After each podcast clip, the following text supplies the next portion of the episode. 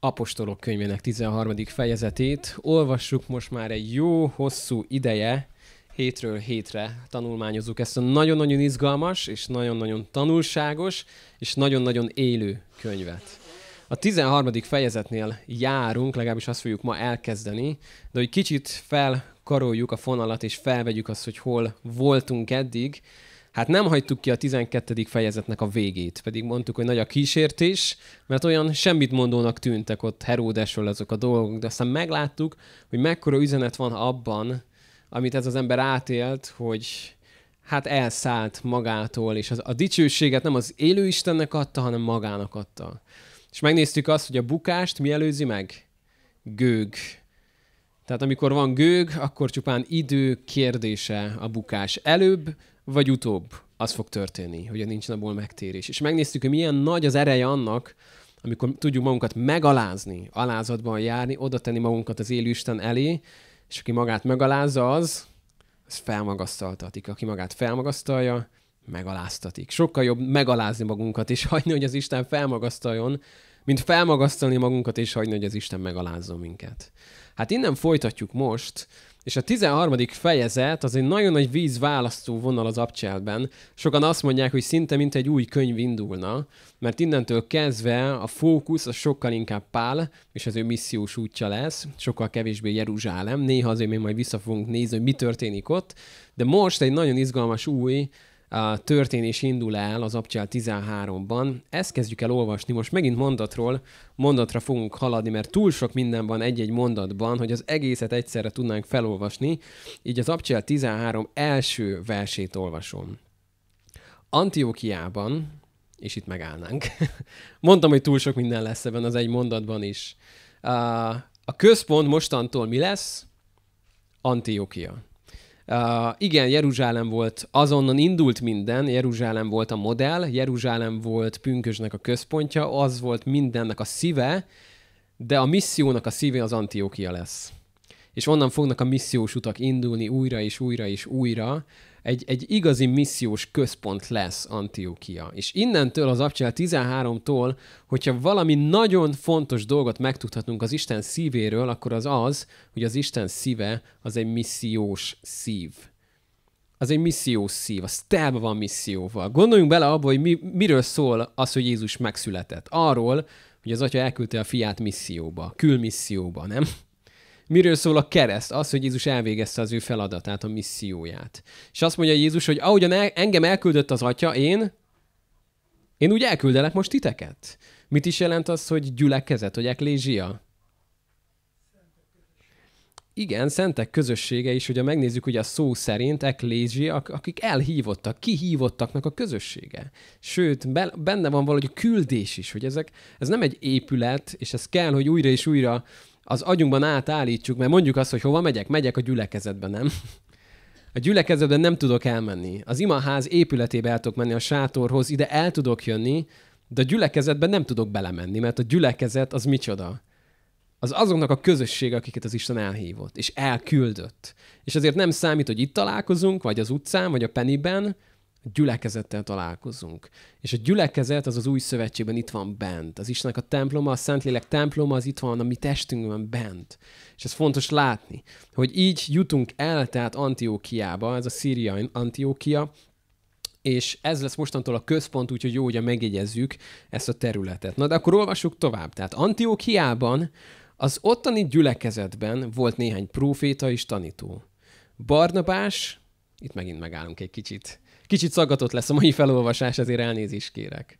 Az Abcsiat 13-ban, sőt még előtte is azt látjuk, hogy amikor Barnabás is szóba kerül, ő mindig az első helyen van említve. Barnabás és Saul. Barnabás és Pál. És a 13. fejezet után pedig egy nagyon erős váltás lesz majd Pál és Barnabás. Pál és Barnabás. Ez csak jó magunknak megjegyezni, hogy mi történik akkor, mikor azt látjuk, hogy valaki, aki felé szolgáltam, az kezd túlnőni engem. Mert mit érezheted Barnabásnál? Mondhatta azt, hogy hát ez a pál, ez sehol nem lenne, ha én nem vettem volna magam mellé. Emlékszünk arra a részre, mikor Barnabás mit csinált? Maga mellé vette Sault. És aztán teltek az évek, és elmegy Tarzuszba, és ismét maga mellé veszi Sault. És Barnabás gondolkodhatott volna úgy, hogy Saul, te leszel mostantól kezdve az én másodhegedűsöm, az én fegyverhordóm, az én segítőm. Te leszel az én Jonatánom. És azt kell látnia, hogy az Isten máshogy gondolkodik, és előbb-utóbb Pált nagyon magasra fogja emelni. De jó azt látni, hogy ebből nem egy nagy törés lesz, meg megsértődés, hanem Barnabás ezt egész jól fogja majd fogadni, hogy mostantól ő a listáknak a vége felé kerül. És most ebben a listában, az ötös listában, amit olvasunk, Saul lesz az utolsó, de ő átéli azt, hogy az utolsókból lesznek elsők. Na tehát nézzük meg azt, tehát itt még a lista elején van ez az első ember, Barnabás, nézzük tovább a listát, és Simeon, akit Nigernek is hívtak, és a ciréneai Lucius és Manain, aki Heródessel a negyedes fejedelemmel együtt nevelkedett, és Saul, ugye a sor végén. Na nézzük meg először ezt a díszes társaságot, hogy kik ezek az emberek. Nem sokat tudunk róluk, annyit viszont tudunk, Barnabásról elég sokat tudunk, talán tőle tudunk így eddig az abcsában a legtöbbet ezek közül, de aztán itt van Simeon, akit Nigernek hívnak. Igen, jóra gondolunk, a Niger azt jelenti, hogy fekete. Tehát ez valószínűleg egy, egy név, amit kaphatott. Sok találgatás van, azért valljuk meg őszintén, hogy a legvalószínűbb az, hogy itt egy, egy észak-afrikai néger testvérről beszélünk, aki ott volt ebben a gyülekezetben. Aztán itt van egy úgynevezett Ciréneai Lucius, Róla meg azt gondolhatjuk, hogy emlékszünk, korábban olvastuk azt, hogy voltak, akik Ciprusról és Ciréneából mentek Antiókiába, és elkezdték a pogányokkal is megosztani az örömhírt. Szóval jó eséllyel lehet, hogy ő egy az evangélisták közül, és itt van Manaén, aki Heródessel a negyedes fejedelemmel együtt nevelkedett, ez az a, ez az a Heródes, aki keresztelő Jánost kivégeztette, és Saul. Hát egy díszes társaság, nem? Képzeljük el ezt az öt embert egymás mellett. Uh, Jézus Krisztuson kívül nem sok közös volt bennük. Nagyon-nagyon máshogy néztek ki, abban biztos vagyok. Nagyon-nagyon más volt a kultúrájuk, máshogy nevelkedtek, máshol nőttek fel, de amit itt érdekes látni, hogy ebben a gyülekezetben még nem működött a diszkrimináció.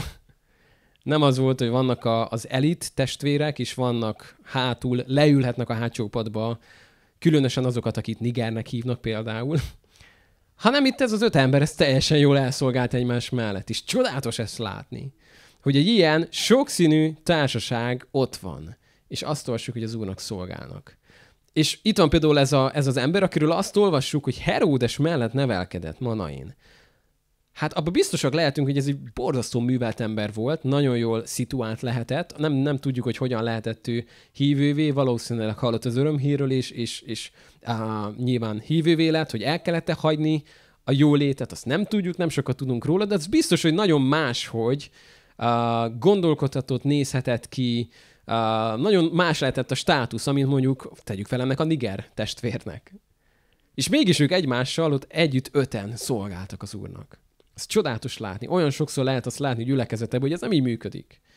Hogy azt megvalljuk, hogy mindenki egyenlő az úrban, na de azért az egyenlő között is azért kell, aki legyen elől, nem? Meg a kell azért, aki, aki jobban egyenlő legyen. A és akkor aki ez a családhoz tartozik, amahoz a családhoz tartozik, na az azért valami, nem? Mert azért az egy veretes, nagy, nem tudom hány generációs baptista, vagy épp református, vagy pünkösdi, vagy épp milyen család legyen, és az azért az valami. Nem egyszer voltam fültanúja olyan mondatnak, hogy itt van ez a jött-ment. Hűha. hát nem mondom, hogy a bicska nyílt a zsebembe, de majdnem. Mit mondtak volna páról ezek a testvérek? Hát nem jött mentnek, hanem terroristának titulálták volna. Isten meg felemelt, hogy ő legyen a legnagyobb apostolok között. Tehát érdekes ezt látni, hogy az Isten nem azt nézi, ami a szem előtt van, hanem még mindig azt nézi, ami a, ami a szívben van. Na de mit látunk itt? Tehát itt van ez az öt férfi, akik nagyon-nagyon mások, nem az számít, hogy kicsodák, hanem az, hogy kié az ő életük. És abban egyeztek, hogy mind az Úrnak a, a, adta az életét. Na és nézzük, mit olvasunk róluk. Azt olvassuk, hogy amikor egyszer ezek az Úrnak szolgáltak és bőjtöltek. Ez egy nagyon fontos mondat. Amikor ezek egyszer az Úrnak szolgáltak és bőjtöltek. A magyar mondat értelmezés. Mi következik abból a részből, hogy egyszer? Az következik, hogy Tették ezt máskor is, igen. Szóval ezt tették nagyon sokszor, jó esetben. Tették ezt, bőjtöltek, szolgáltak az Úrnak. És nagyon fontos itt minden szó. Nem azt olvassuk, hogy szolgáltak a gyülekezetnek elsősorban, hanem kinek szolgáltak? Szolgáltak az Úrnak. Itt az a szó szerepel a görögben, amit arra használnak, amikor a, a nagy sátorban, az Ószövetségben a papok szolgáltak az Isten jelenlétében. És benne van ebben az imádás, az, a, a közbenjárás. Ott voltak az Úr jelenlétében, bőjtölve és imádkozva az Úr előtt. És azt olvassuk, hogy amikor ezek egyszer ezt csinálták, akkor a Szentlélek mondott valamit. Na de ebből egy nagyon fontos dolog következik, hogy csinálták úgy is, hogy nem jött óriási nagy kijelentés épp a Szentlélektől, hogy el kell indítani egy hatalmas missziós utat. Ezt csinálták ők sokszor. Ez a szokásuk volt, hogy ők együtt szolgáltak, bőjtöltek az Isten előtt. És ez nagyon, nagyon fontos, hadd húzom ezt talán még egyszer.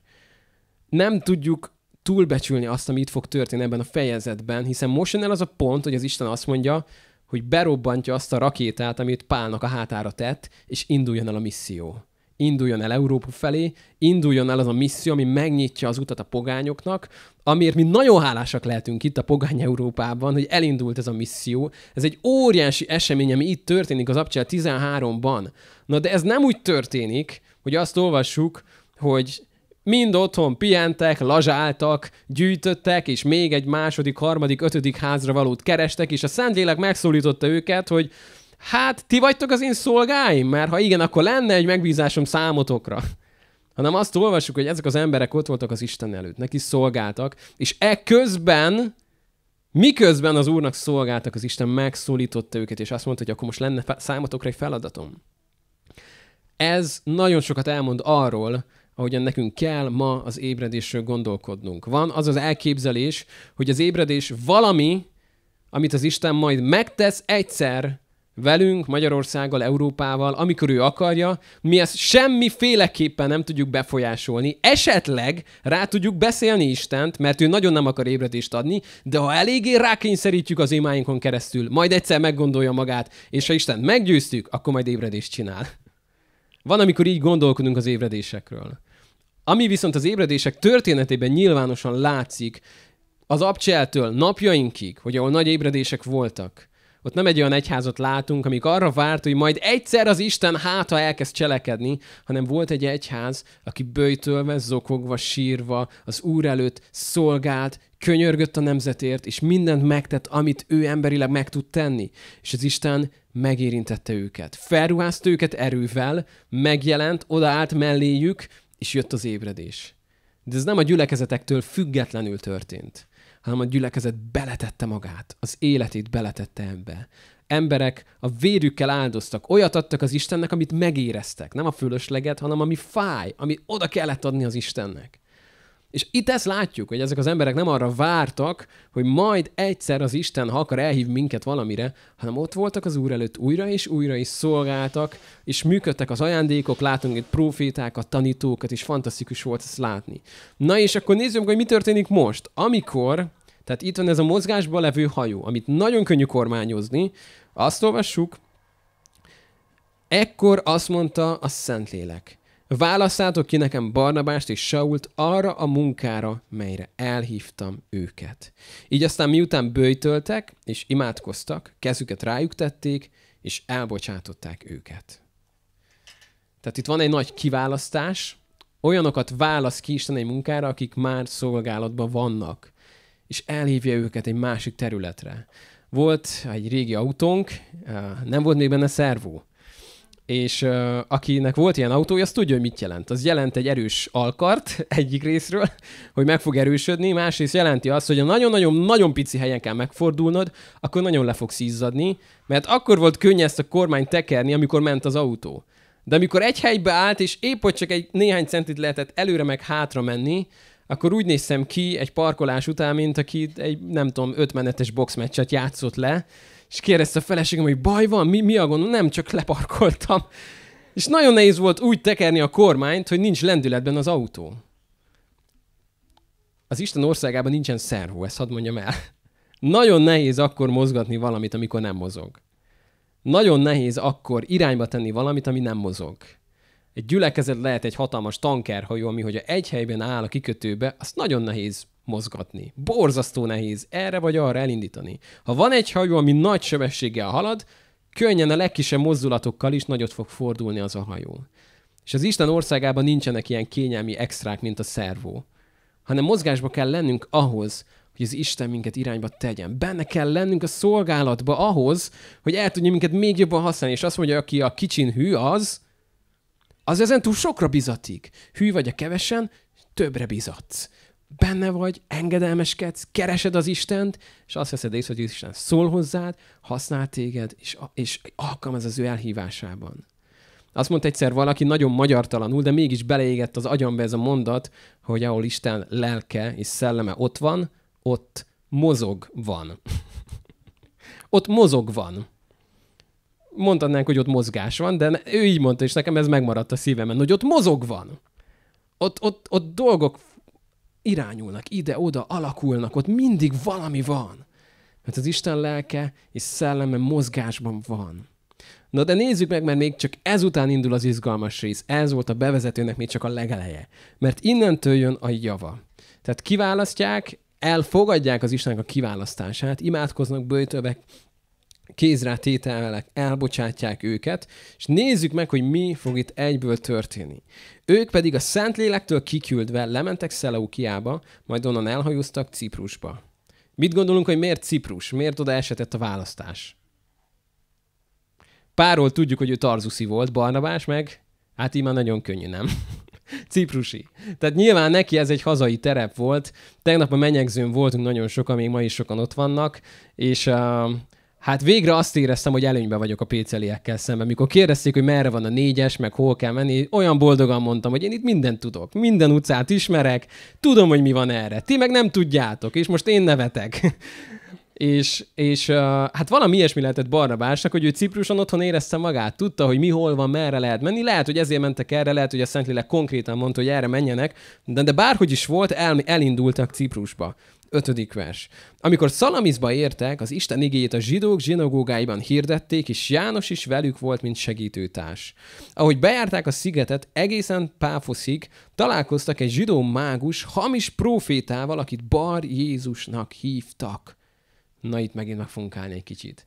Tehát, amit most itt tesznek Pálék, az az, amit Pál innentől kezdve mindig csinál, ez a standard, ez az alapállapot, elmegy egy új helyre, megkeresi a zsinagógát. Elmondja az örömírt a zsidóknak, akik általában kiakadnak, vagy nem nagyon fogadják el, és utána azt mondja, hogy akkor most már mondom az öröm hírt a pogányoknak, akik meg általában nagyon nagy lelkesedéssel fogadják. Ezt tette itt is, ezt teszi majd később is. És um, amikor itt uh, mennek, találkoznak ezzel a nagyon-nagyon különös emberrel. Bar Jézus a neve. Szó szerint a Bar Jézus azt jelenti, hogy Jézusnak a fia esetleg Józsué, de inkább a Jézus valós, ö, valószínűbb. Ugye Bar, mint a fia, mint Bar Nabás, Bar Nabi, Bar Jézus, innen jön az, hogy Jézusnak a fia. És ez egy nagyon-nagyon érdekes dolog látni azt, hogy nyilván valószínűleg ő nem a názáreti Jézusról kapta a nevét, hanem ebben a korban ez egy gyakori név volt a Jézus, de mégis az volt a neve, hogy Jézusnak a fia úgy, hogy nem csak, hogy semmi köze nincs Jézushoz, hanem még az ellensége is. És itt nem akarok nagyon mély igazságokat levonni csupán az ő nevéből, amit kapott a szüleitől, de mégis látjuk azt a mai világban, hogy lehet valamit Isteninek hívni, Isten gyermekének hívni, vagy lehet magunkat annak hívni, miközben pont az ellenkezője az igaz. Jézus azt mondja, amikor ír egy kis röpiratot a gyülekezetnek a jelenések könyvében, hogy az a neved, hogy élsz, pedig halott vagy. Azért gondold el azt a reggelt, amikor ezt a gyülekezetnek a vezetői elolvasták a gyülekezet előtt. Hogy az üzen nekünk Jézus Krisztus, az a nevet, hogy élsz, pedig halott vagy. Azért volt, hogy szerintem döbbent csönd után. De Jézus így gondolkodik, hogy attól, hogy valaminek neveznek minket, az még lehet egy ámítás, mert itt valami nagyon sokkal többről van szó. De akkor nézzük, hogy mi történik itt. Tehát itt van ez a bar Jézus. Ez Sergius Paulus helytartónak, ennek az okos embernek a kíséretéhez tartozott. Ő magához hívatta Barnabást és Sault, mert hallani akarta Isten beszédét. Elimás a mágus azonban, neve ugyanis ezt jelenti, ellenállt nekik, és igyekezett a helytartót elfordítani a hittől. De Saul, akit Pálnak is hívnak, megtelve a Szentlélekkel, rászegezte tekintetét is, ezt mondta. Itt megint megállunk egy kicsit. Egy fontos dolgot látunk itt, van egy tartó, van valaki, aki hallani akarja az örömhírt. Amikor ez megtörténik, amikor valaki hallani akarja az örömhírt, és nyitni akar, mindig fogunk találni egy erőt, ami ez ellen munkálkodik. Minden egyes esetben. Nagyon egyszerű ennek az oka. Az ok az, hogy ez az ember, aki eddig Isten nélkül él, ez a sötétség birodalmához tartozik. Azt mondja a Biblia, hogy ami Istenünk kihozott minket a sötétség birodalmából, és átvitt az ő fiának világosságába. Tehát hol voltunk eddig?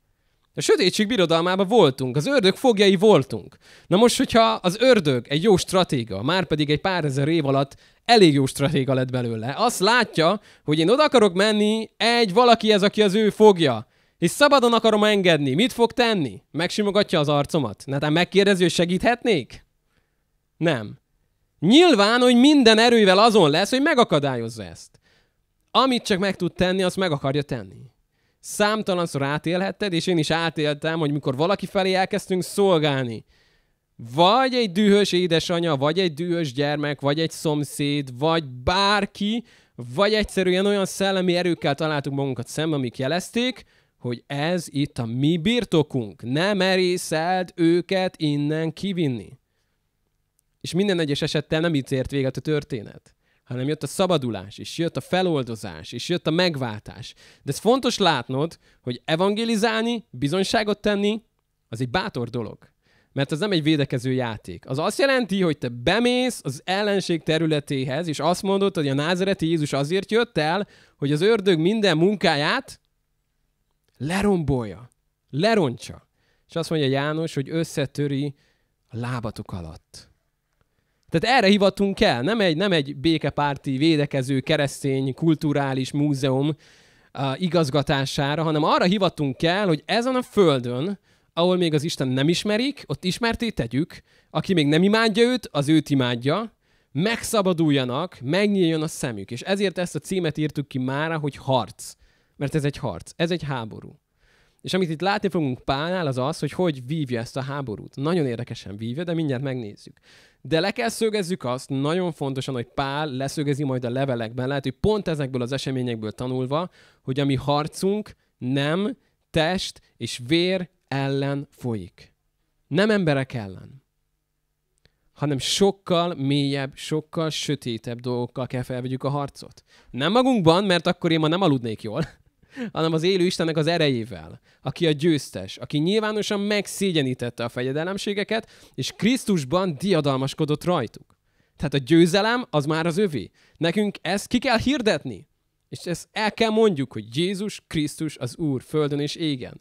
Egy lelkész elmesélte, hogy egyszer, mikor felvett egy stoppost, kiderült róla, hogy egy sátánista. És ott volt egy biblia a műszer falon, hát ugye róla megkiderült, hogy keresztény, sőt lelkész. És elkezdtek beszélgetni arról, hogy most ki az erősebb, a sátán vagy Jézus. És azt mondta ez a lelkész, lát a parkolóba, hogy testvér, figyelj, próbáljuk ki.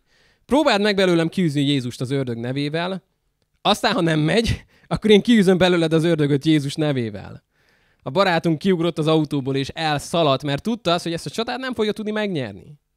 Én akkor szembesültem ezzel életemben először igazán, amikor beszélgettem én is egy, egy, egy fiúval, aki, aki felvállaltan sátánista volt, és a sötét szemüveg, hosszú haj, sátánista póló, sátánista nadrág, minden, amit el tudunk képzelni. Oda küldtek engem, mert hogy én voltam a tábornak az egyik vezetője, semmi kedven nem volt oda menni hozzá, csak ott állt és nézett minket. És oda mentem hozzá, hogy hát akkor most nekem illene neki valamit mondani. Elmondtam neki három mondatban az örömhírt, és mond, mentem vissza, hogy beszéltem vele, igen, igen. Félelmetes volt ott lenni mellette. És jön másnap egy fiú fehér, póló, kopasz fejjel, és azt mondja, hogy ez működött. Mondom, hogy te ki vagy? Hát tudod, tegnap beszélgettél velem, és elmondtad, hogy Jézusnak a neve az mindennél nagyobb. Hazamentem, kipróbáltam, és, és tényleg erősebb volt, mint az ördög. Mostantól őt akarom szolgálni. És ott voltam lefagyva, hogy ez ilyen egyszerű. Ez ilyen egyszerűen működik. Hogy Jézus neve tényleg ennyire erős? Mert hogy ez a fiú átélte. Azt mondta, hogy otthon letérdelt, és arra jött rá, hogy az élő Isten az erősebb, mint az, aki benne van. És átadta az életét neki. Hát egy ilyen szellemi háborúba vagyunk benne. Hogyha én az ellenséged lennék, hogyha nem tudnám elérni azt, hogy bűnökben éljél, és vétkekben éljél, akkor elérném azt, hogy elfoglalt legyél. Hogy eszedbe ne jusson ez a szellemi háború, hanem azon aggódjál és azon gondolkodjál állandóan, hogy mi lesz velem, mi lesz a munkahelyemmel, mi lesz a családommal, mi lesz a párkeresésemmel, mi lesz a pártalálásommal, mi lesz a házasságommal, mi lesz a kocsimmal, mi lesz a munkahelyemmel, mi lesz a karrieremmel. Elintézném, hogy 24 órában ezeken aggódj úgy, hogy az élőisten meg megígérte neked, hogy ezek miatt nem kell aggódnod, mert ő ráadásként megadja ezeket azoknak, akik őt keresik először, nem? Elintézném, hogy egész nap ez a nagyaj. Mindig ezen aggódj. Azt mondja Pál Timóteusról, hogy kevés olyan ember van, mint Timóteus, mert a legtöbb ember mivel foglalkozik? A maga dolgaival, ő pedig a Krisztuséval. Jézus beszél arról, mikor elvetik a magokat, és azt mondja, hogy az élet gondja megfojtja a magot, és nem kell ki. Hogyha én lennék az ellenséged, próbálnám elérni azt, hogy ne a jó harcokat vív meg. Ne az ördöggel és a fejedelemségekkel küzdjél a lelkekért, hanem küzdjél a szomszédoddal a kerítés miatt, küzdjél a szomszéd gyülekezettel, mert nem értesz egyet a dicsőítés stílusával, küzdjél ezzel, bármit elintéznék, hogy ne azt a harcot harcold, amire elhivattál. Elintézném, hogy küzdjél az egód miatt, azért, mert valaki megsértett. Elintézném, hogy küzdjél azért, mert nem becsülnek, vagy nem bármit elintéznék, hogy olyan harcokat vívjál, amiket nem kell megvívjál. Egy nagyon mély igazsága a hívő életünknek az, hogy meg kell válogassuk, hogy milyen harcokat harcolunk meg, és miket nem. Hogy mi az a harc, amit érdemes megharcoljak, mert nagy a tétje, és elhívatott vagyok rá, és mi az a harc, amit el kell engedni. És amit itt látunk, hogy pár egy olyan harcot vív, amit meg kellett vívnia. És akkor nézzük meg, hogy mit csinál. Itt van ez az ember, Bar Jézus, nagyon szép neve van, keresztényeket megszégyenítő nevet kapott, és mégis azt olvassuk róla, hogy zsidó létére mágus volt, egy hamis proféta egyből megszólal bennünk a vész csengő, nem, hogy ez hogy lehetséges? Hát a zsidóknak ez tiltva volt. Az Ószövetségben annyira tisztán, ez tiltva van, hogy neki ilyet nem lenne szabad csinálnia. De ekkor már volt egy nagyon, nagyon-nagyon uh, veszélyes és sokak által szimpatikusnak ítélt uh, jelenség, ami mai korunkban igazi térhódítását éli. Csúnya szóval azt mondhatnánk, hogy szinkretizmus. Uh, egyszerűbben azt mondva, hogy mindenből kiválogatod azt, ami neked tetszik, és abból összegyúrsz magadnak valamit. Hogy azt mondod, hogy Jézus egy nagyon jó erkölcsi tanító volt, és nagyon szép dolgokat mondod, na de azért Butának is nagyon-nagyon jó gondolatai vannak, és azért ne legyünk már olyan kirekesztők, hogy azt mondjuk, hogy, egy, hogy csak Jézus, hát az, az milyen, mennyire civilizálatlan gondolkodásmód lenne, nem? Egy mai felvilágosult embertől, hogy azt mondjuk, hogy ez az egy működik, hát mindegyikben annyi jót lehet találni, ezt innen lehet. Uh, hát azért Jézus mondott néhány nagyon meredek dolgot, azért azt nem kell komolyan venni. Uh, ez ma nagyon-nagyon teret hódít. Egyik barátom elmondta, hogy ő jár jogázni, és minden joga alkalmat uh, mi atyánkkal kezdenek. Aztán pedig uh, elmennek kicsit a buddhizmus irányába, és onnan mantrálnak, és így, és ez milyen jó, mondja nekem, látod, hogy még a keresztény itemet se kell megtagadjam? És én fogtam a fejemet, hogy jaj, hol vagyunk? És ez ma nagyon nagy teret hódít, hogy kicsit zsidó, kicsit okult, kicsit mágus, kicsit proféta, de inkább hamis, és ebből összegyúr magának valamit. És mit csinál Pál, amikor találkozik ezzel az emberrel? Azt olvassuk róla Pálról, hogy de Saul, akit Pálnak hívnak, ez az első előfordulás, hogy így hívja őt az abcsel, megtelve szent lélekkel, rászögezte tekintetét, és ezt mondta. Ha nem ismernéd a történet folytatását, amit én várnék, az egy olyan dolog, hogy Pál megtelt szent lélekkel, és azt mondta, drága Bar Jézus, barátom, ne legyél így elveszve, hadd beszéljek neked a nagy szeretetről, ami Jézusban jött el. Én egy ilyet vártam volna, nem? Mert ugye valaki megtelik lélekkel, az csak ilyen kedves dolgokat mondhat, ugye? Nézd meg, hogy mit mondott Pál. Te minden csalással és hamissággal teljes ördögfi, minden igazság ellensége nem szűnsz meg elfordítani az Úr igaz útjait? Húha! Na most képzeld el azt, hogy vége az alkalomnak, és itt sétálsz, és azt hallod, hogy én valakinek azt mondom, hogy te ördög fatya, nem szűnsz meg ezt csinálni, és néznétek rám, hogy mi baja van Barnabásnak, nem? Mi ütött belé? Hát hogy képzeli, hogy így beszél valakivel, nem? Hát mi? Ho- és kapkodnánk a levegőt, hogy hogy történhet egy ilyen. Na de itt egy nagyon fontos dolgot. Pál leszög ez a szellemi harcról, amikor azt mondja, hogy nem test és vér ellen van neki tusakodása. Ezt nagyon fontos látnunk, hogy itt Pál elsősorban nem csupán Bar Jézussal kommunikál, hanem sokkal mélyebben. Hadd olvasok erről szintén Pától egy, egy néhány mondatot. Mert testben élünk, de nem test szerint hadakozunk. Hadakozásunk fegyverei ugyanis nem testiek, hanem erősek az Isten kezében, erődítmények lerombolására. Ezekkel rombolunk le minden okoskodást és minden magaslatot, melyet az Isten ismeretével szemben emeltek, és fogjul ejtünk minden gondolatot a Krisztus iránti engedelmességre. Hűha! Itt aztán ez egy harcias igevers, nem? Nagyon-nagyon harcias. Arról beszél Pál, hogy testben élünk, de nem tesz szerint hadakozunk. A férfi csoportunkkal most elindulunk egy nagyon izgalmas felfedező úton. Egy olyan könyvet tanulmányozni fogunk most. Az nem azt jelenti, hogy az a Biblia, csak annak alapján beszélgetni. Az a címe, hogy hova tűntek a férfiak a gyülekezetből. Nagyon érdekes, ilyen provokatív a címe. De azért foglalkozunk ezzel, mert azt vettük észre magunkon is, hogy nagyon kialakult az, a gyülekezeteken belül, hogy a, a férfias rész, a harc, az erő az úgy kezd eltűnni. És sokkal inkább teret hódít az, nézzük meg az ének szövegeinkben, mennyivel inkább találjuk azokat egy szerelmi vallomásnak, amit talán egy hölgy sokkal könnyebben el tud mondani, mint egy férfi, amikor Dávid azt mondja a Zsoltáraiban, hogy te vagy az én győzelmem zászlaja, te vagy az én pajzsom, te vagy az én kősziklám. Azok nagyon kemény, férfias beszédek voltak. És ez nem azt mondom, hogy egyik rossz, vagy a másik jó, nehogy félreértsük, csak az, hogy itt Pál beszél arról, hogy a hívő életünkbe attól eltekintve, hogy megvannak azok a tulajdonságok, amik a léleknek a gyümölcse, és ezek csodálatos dolgok is. Nem ellene szólok, nehogy félreértsük, megvan a másik rész, ami egy kemény harc. Ami egy nagyon kemény harc. Amiről azt mondja Pál, hogy mert testben élünk, na de nem test szerint hadakozunk. Mert hadakozásunk fegyverei ugyanis nem testiek, hanem erősek az Isten kezében. Erődítmények lerombolására. Ez egy nagyon kemény férfias dolog, amiről itt beszél az ige. Arról beszél, hogy ezek harcok, ezek küzdelmek. Amikor valakiért imádkozunk, amikor valakiért közben járunk, amikor valakiért imádkozunk, hogy megszabaduljon a sátán uralma alól, egy bűn alól, egy elnyomás alól, nagyon sokszor itt nem arra van szükség, hogy még egyszer elmondjak neki valamit, hanem hogy lehújjon a lepel a szeméről, hogy megszabaduljon, hogy ez a vakság, ami rajta van, az elmúljon felette. És ezek nagyon kemény harcok. Ezek olyan harcok, amikben az ember elfárad. Egyszer egy ilyen ima harcos, egy ima alkalmat vezetett, és utána leült, és oda ment hozzá a pásztor, és kérdezte, hogy na, hogy vagy? És mondta, hát úgy érzem magam, mint akit összevertek. Nagyon elfáradtam. Nagyon elfáradtam, pedig csak imádkoztunk, nem? De nagyon elfáradtam benne. Mert harcoltunk, mert küzdöttünk. És erről beszél Pál. És amikor így beszél ez az emberhez, hogyha nem lenne leírva, hogy mi történik ezután, akkor azt mondanánk, hogy na vajon ez bős dolog volt Páltól, hogy ennyire keményen beszél. De aztán nézzük meg, mi történik utána. Most azért az úr keze ellenet fordul, vak leszel, és nem látod a napot egy ideig.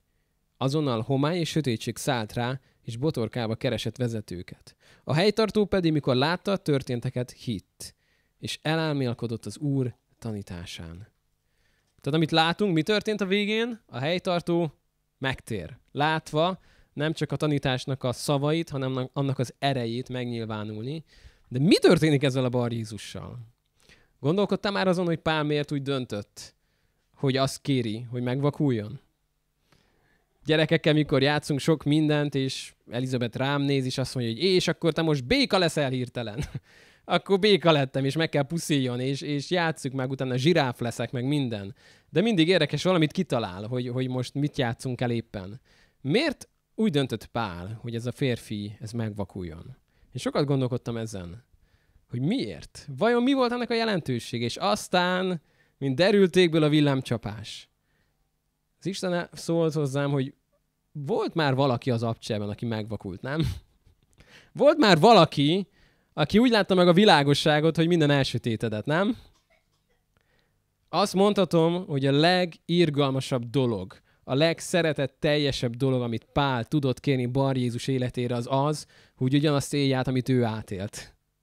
Hogy elvesztette a látását, teljes hatalomvesztés, képzeld el, hogy egyik pillanatról a másikra megvakulsz, és botorkába keresel segítőket.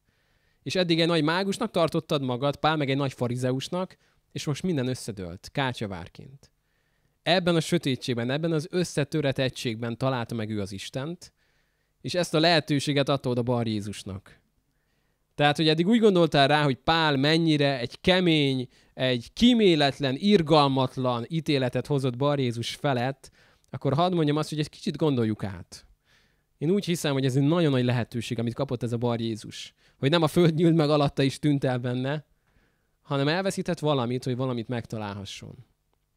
És hogy ez megtörtént Saulnál, ott azon a damaszkuszi úton, hogy valamit elveszített, hogy valamit megtaláljon, és sokszor megtörténik velünk is.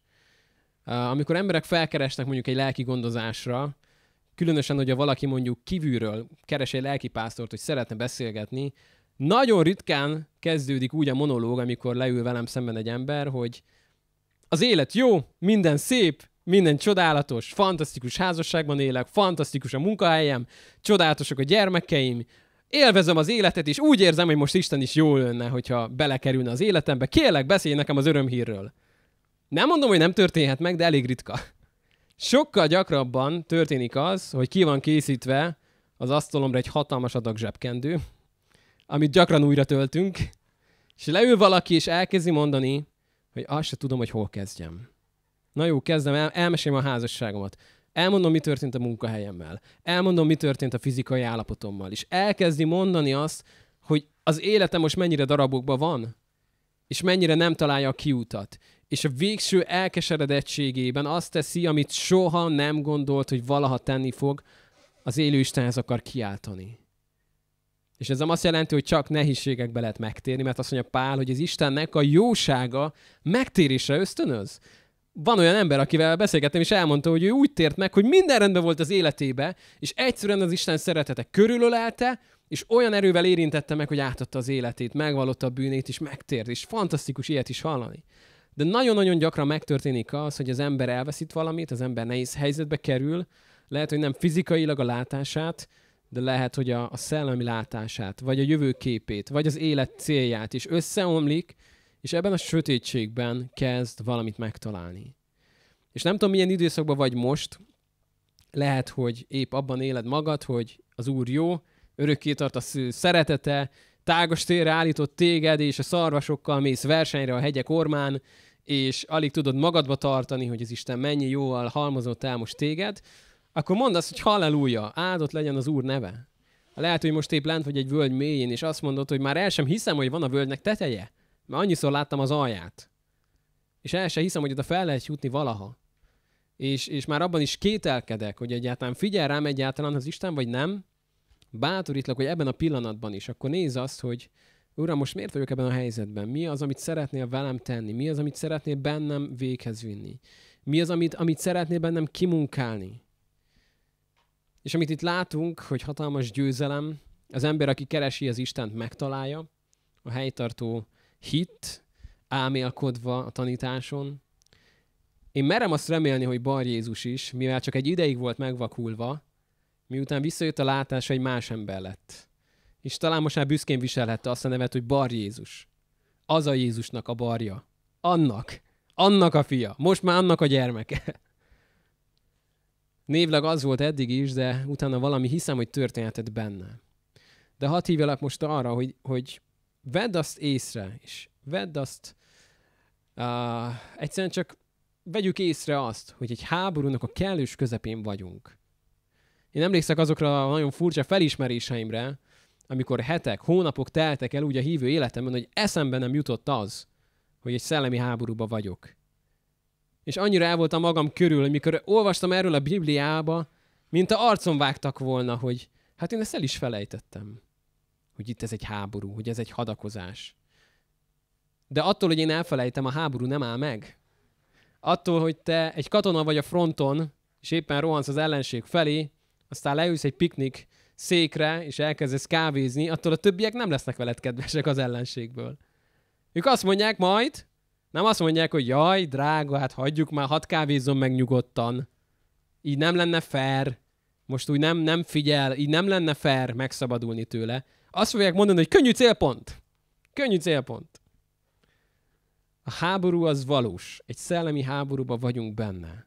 De az Isten nem magunkra hagyott, és nem azt mondta, hogy ezt vívjátok meg, ott lent fiúk, nagyon jó, én meg majd a végén találkozok a túlélőkkel, hanem azt mondta, hogy ő a seregeknek a vezetője. Azt mondta, hogy ő az, aki a győzelmet elhozta. Azt mondta, hogy ha velem tartotok, akkor győzelembe jártok, mert nagyobb az, aki bennetek van, mint aki a világban van. Én emlékszek arra, amikor először hívtak el, hogy olyan helyen imádkozzak, ahol azt mondták nekem, hogy ilyen ördögi megnyilvánulások vannak, és ilyen nagyon okult dolgok, és hát nem voltam még, pár éve voltam keresztény, vittem magammal egy idősebb keresztényt is, és emlékszek, hogy nagyon féltem. Odafele menet, hogy hát engem meg fognak enni a démonok. Hát mi lesz velem? Hát eddig éltem, hát mi, mit fog velem történni? Végem lesz. És hogy odaértünk, útközben imádkoztunk, és az Isten úgy felbátorított, hogy higgyem már el azt, hogy nagyobb az, aki benne van, mint aki a világban van. Hogy higgyem el azt végre, hogy ővé a győzelem. És amikor ott imádkoztunk hittel és erővel, akkor megtörtént az áttörés, felszabadult az a ház. És az az ember, aki a fogságban volt, az átadta az életét Istennek. És én arra számítottam, hogy visítva fogok menekülni a nagy szarvas démonoktól, és amit láttam, hogy ők menekültek Jézus Krisztusnak a nevétől. És ez nem azt jelenti, hogy minden csetepatéba ész nélkül bele kellene menni, mert nem erről van szó, de arról van szó, hogy ma, amikor találkozol emberekkel, rengetegen vannak okult praktikáknak a fogságában. Hittel imádkozhatsz értük. Mert tudod azt, hogy ki a győztes. Tudod azt, hogy kinek az oldalán vagy. Tudod azt, hogy Jézus vérében erő van. És amikor így imádkozunk, akkor ez nem kell minden, nem tudom, hókuszpókot, vagy túldimenzionálni ezt az egészet. Megvalom Jézusnak a győzelmét. Hogy ő az Úr ezen a helyen. És amikor egyszer elhívott egy barátom, hogy menjek házat szentelni. Hát mondtam, hogy én nem tudok házat szentelni. Na, imádkozok a házatokért, jó? Az is jó lesz. Meg imádkozok értetek. Az, az még jobb lesz. És megvalljuk azt, hogy Jézus, te vagy az Úr. Tied minden. És amikor ez megtörténik, akkor, akkor elkezdjük más helyről látni a jelenségeket. Kicsit olyan, ez mondta már ezt a példát, amikor a gyerekekkel sétálunk az utcán, és egy kutya elkezd ugatni kerítés másik oldalán, és mind a két gyerek elkapja a két lábamat, belekarmolnak, és szorítják erősen, és akkor jön az, ami mindig jön, hogy mind a kettő feljön az ölembe, benézek a kerítés felett, és azt mondják, mi van, kutyuska? Mondom, nagyon felbátorodtatok. Semmi nem történt. Ugyanakkorák. A kutya ugyanakkora. Csak egy más pozícióban vannak. Felvettem őket az ölembe, és onnan már lenéznek a kutyára, és azt mondják, mi van, kutyuska? Egész máshogy érzik magukat. Ha leraknám őket, megint visítanának és félnének. De ott fent, az édesapa ölébe úgy érzik, hogy semmi nem történt, ami rossz. És ilyen ez, amikor az Isten jelenlétébe vagy. Lehet, hogy sötétség vesz körül. Képzeld el, hogy hogy érezte magát Pál, amikor olyan helyekre mentek szolgálni, ahol még nem jártak keresztények. Képzeld el, hogy milyen okult praktikákkal találkoztak, a római kultusznak milyen bugyraival. De ők bátran mentek előre és hirdették Jézusnak a győzelmét. Képzeld el azt, amikor órákig ordibálják, hogy nagy az Efizusi Artemis. Hogy milyen légkör lehetett ezekben a városokban. De ezekben a városokban ugyanúgy működött az evangélium, mint bárhol. Ugyanúgy működött, mert nem beszít az erejéből. És hadd hívjalak ma erre, hogy nagyon jól válogass meg a harcaidat, hogy mik azok a harcok, amiket érdemes egy, egy életben megharcolni, mert nem tudsz túl sokat megharcolni. Egy néhányat igen. De döntsd el, hogy mi lesz az a harc, amit megharcolok ebben a világban. Én bátorítlak arra, hogy mondhassák el az életed végén azt rólad, amit Dávidról elmondtak, hogy az Istennek a harcait harcolta. Az nem kis dolog, nem? Nem azt mondták róla, hogy az Isten beleszállt az ő harcaiba, pedig ez is jó dolog lenne, hanem hogy ő az Isten harcait harcolta. Vagy gondolj úgy erre, mint amikor Józsué ott áll, látja Jerikót, ha van nagy képzelőerőd is, vizuális, vagy biztos el tudod képzelni azt az érzést, azt a látványt, hogy ott áll Józsué, látva a nagy várt. Hatalmas volt, elképesztő vastag falai, a kornak az egyik legerősebb erődítményen volt. Ott nehezedett Józsuéra minden elvárás, hogy Mózesnek ez biztos sikerülne, nem? Mózesnek ezek mentek. Na neked fog menni Józsué? Micsoda elvárások lehettek az ő vállán. És amikor lát valakit, és megkérdez egy nagyon fontos kérés, azt kérdezi Józsué, velünk vagy, hozzánk tartozol, vagy az ellenségeinkhez. Mit mond az a valaki? Nem. nagyon érdekes ezt olvasni. Nem. Nem helyezkedik el egyik vagy másik oldalon, azt mondja, én az úr seregének a vezetője vagyok. És akkor Józsui rájött, hogy itt nem én osztom a térfeleket. hogy velem vagy, vagy ellenem. Itt van az úrnak egy serege, akit ő vezet. Emlékszünk arra, amit nemrég megnéztünk, mikor azt kérte, Uram, nyisd meg a szolgának a szemét, hogy lásson. És akkor meglátta, mit látott? Többen vannak velünk, mint ellenünk. Úgyhogy hadd bátorítsalak erre, hogy amikor rájövünk újra és újra arra, hogy benne, vagy, benne vagyunk egy háborúban, akkor ne felejtsük el azt, hogy ezt a háborút valaki már megnyerte, Jézus Krisztus. Nem nekünk kell ezeket vérre vinni, és nem nekünk kell ezeket meggyőzni. Ő a győztes. Ő az, aki ezt megnyerte. Én az ő győzelmébe léphetek bele. És amikor valakivel találkozok, aki az ördög fogságában van, nem én fogom neki megnyerni ezt a csatát. Kihirdetem neki a győzelmet. Hogy működik ez? És ezzel az utolsó példával bezárom. Sok olyan ember találtak még a vietnámi háború lezárta után, akik még akár éveken keresztül az erdők mélyén voltak, abban a tudatban, hogy még mindig zajlik a háború. És nem mertek kijönni, elbújtak, teljesen alkalmazkodtak az ottani klímához, növényeket ettek, bujkáltak a fatörzsek alatt, mert ők azt hitték, hogy még zajlik egy háború. És amikor találkoztak velük emberek, akkor nem ők szüntették meg a háborút. Ők csupán elmondták, hogy jó ember, a háború már három éve véget ért. Szabad vagy, gyere ki! Nem kell itt bújdossál. És amikor én találkozok valakivel, akkor elmondhatom neki, hogy a háború mikor ért véget? 2000 éve. A kereszten véget ért. Jézus mit mondott a kereszten? Elvégeztetett. Ővé a győzelem. És amikor erre rájössz, és amikor erre rájövünk, akkor erre én vissza tudok utalni. Ott a kereszten győzött a bárány.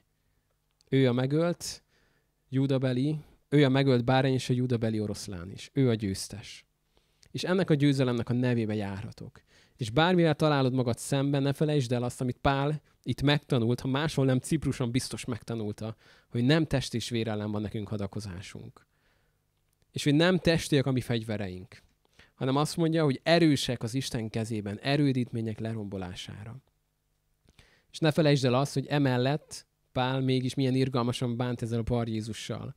Hogy egy olyan lehetőséget adott meg neki, amit ő is megkapott az Istentől. Arra, hogy megtérhessen, az életét átadhassa. Szeretném, hogy tudnánk most azért imádkozni, hogy biztos vagyok, hogy van a környezetedben legalább egy ember, aki olyan, mint ez a helytartó. Egy okos ember, aki szeretne többet tudni erről a Jézusról. És biztos vagyok abban, hogy van a környezetedben legalább egy olyan, mint Bar Jézus, aki ezt meg akarná akadályozni. Akinek ez nem tetszik. De hadd hívjalak arra, hogy lásd azt, hogy semmi nem változott azóta, amit itt olvasunk. Ugyanaz az Isten, ugyanaz az erő, ugyanaz a győztes Jézus Krisztusban. Én szeretném, hogy most tudnánk így imádkozni, és most is megvan a lehetőség arra, hogy tudsz magadban is közben járni, de akár a melletted levővel is tudtok közösen imádkozni. Ha van olyan rokonod a családodban, aki még nem az Istené, akkor hadd kérlek arra, hogy könyörög most érte. Hogy törjön meg az ördögnek az uralma, hogy nyíljon meg az ő szeme, hogy lássa meg azt, hogy kicsoda Jézus Krisztus. És használjon fel ebbe téged. Ha bizonyságot kell tenned, ha be kell mutasd az életeddel, bárhogyan, de lássa meg a világosságot Jézusban. És hogyha úgy érzed, hogy neked most szükséged arra, hogy harcolnod kell, mert annyi minden van talán ami Krisztus ismerete ellen emeltetett az életedben, akkor hadd hívjalak erre, amit mond Pál, hogy fogjul ejtünk minden gondolatot Krisztus iránti engedelmességre. Itt zajlik nagyon sokszor a csata, a gondolatainknál. Azért mondja Pál, ti is azt tartsátok magatokról, hogy meghaltatok a bűnnek és éltek az Istennek. Azt tartsátok magatokról. Azon gondolkodjatok, ami nemes, ami dicséretes, ami... és azért mondja ez Pál, mert tudja, hogy mennyi, mennyi múlik azon, ami itt van bent mert az életed egyenesen halad a legerősebb gondolatod irányába, mondta egyszer valaki.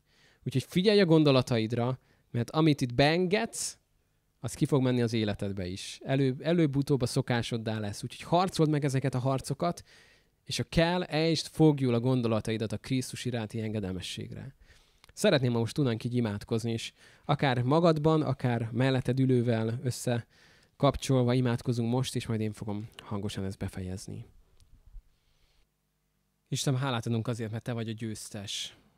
Köszönjük azt, hogy Te vagy az, aki győztél a kereszten. Köszönjük, hogy az adós levelet, amely minket vádolt, azt oda szegezted a keresztfára. Köszönöm azt, hogy a Te győzelmedben élhetünk, és ebben járhatunk. És köszönöm azt, hogy arra hívtál el minket, hogy bárhol a világon, széles a világon, emberek meglássanak téged. Ott, ahol még nincs felragyogva az örömhír, ott emberek megismerhessenek téged. Uram, köszönöm, hogy nem csak arra hívtál, hogy védjük magunkat, hogy konzerváljuk a hitünket, hanem arra, hogy bátran megosszuk, hogy kilépjünk, és hogy belevessük magunkat ebbe a misszióba. És köszönöm, hogy nem hagytál minket ebben árván, hanem elküldted a te lelkedet, szellemedet. Köszönöm azt, hogy megígérted, hogy íme velünk vagy minden napon a világ végezetéig. Így vagyunk most, Uram, előtted, és kérjük azt, hogy használj minket ebben a városban, ebben a megyében, ebben az országban, hogy emberek megismerhessenek téged, hogy legyenek olyanok, mint ez a hely tartó, aki akar veled találkozni, és mi tudunk neki ebbe segíteni, hogy meglássa téged.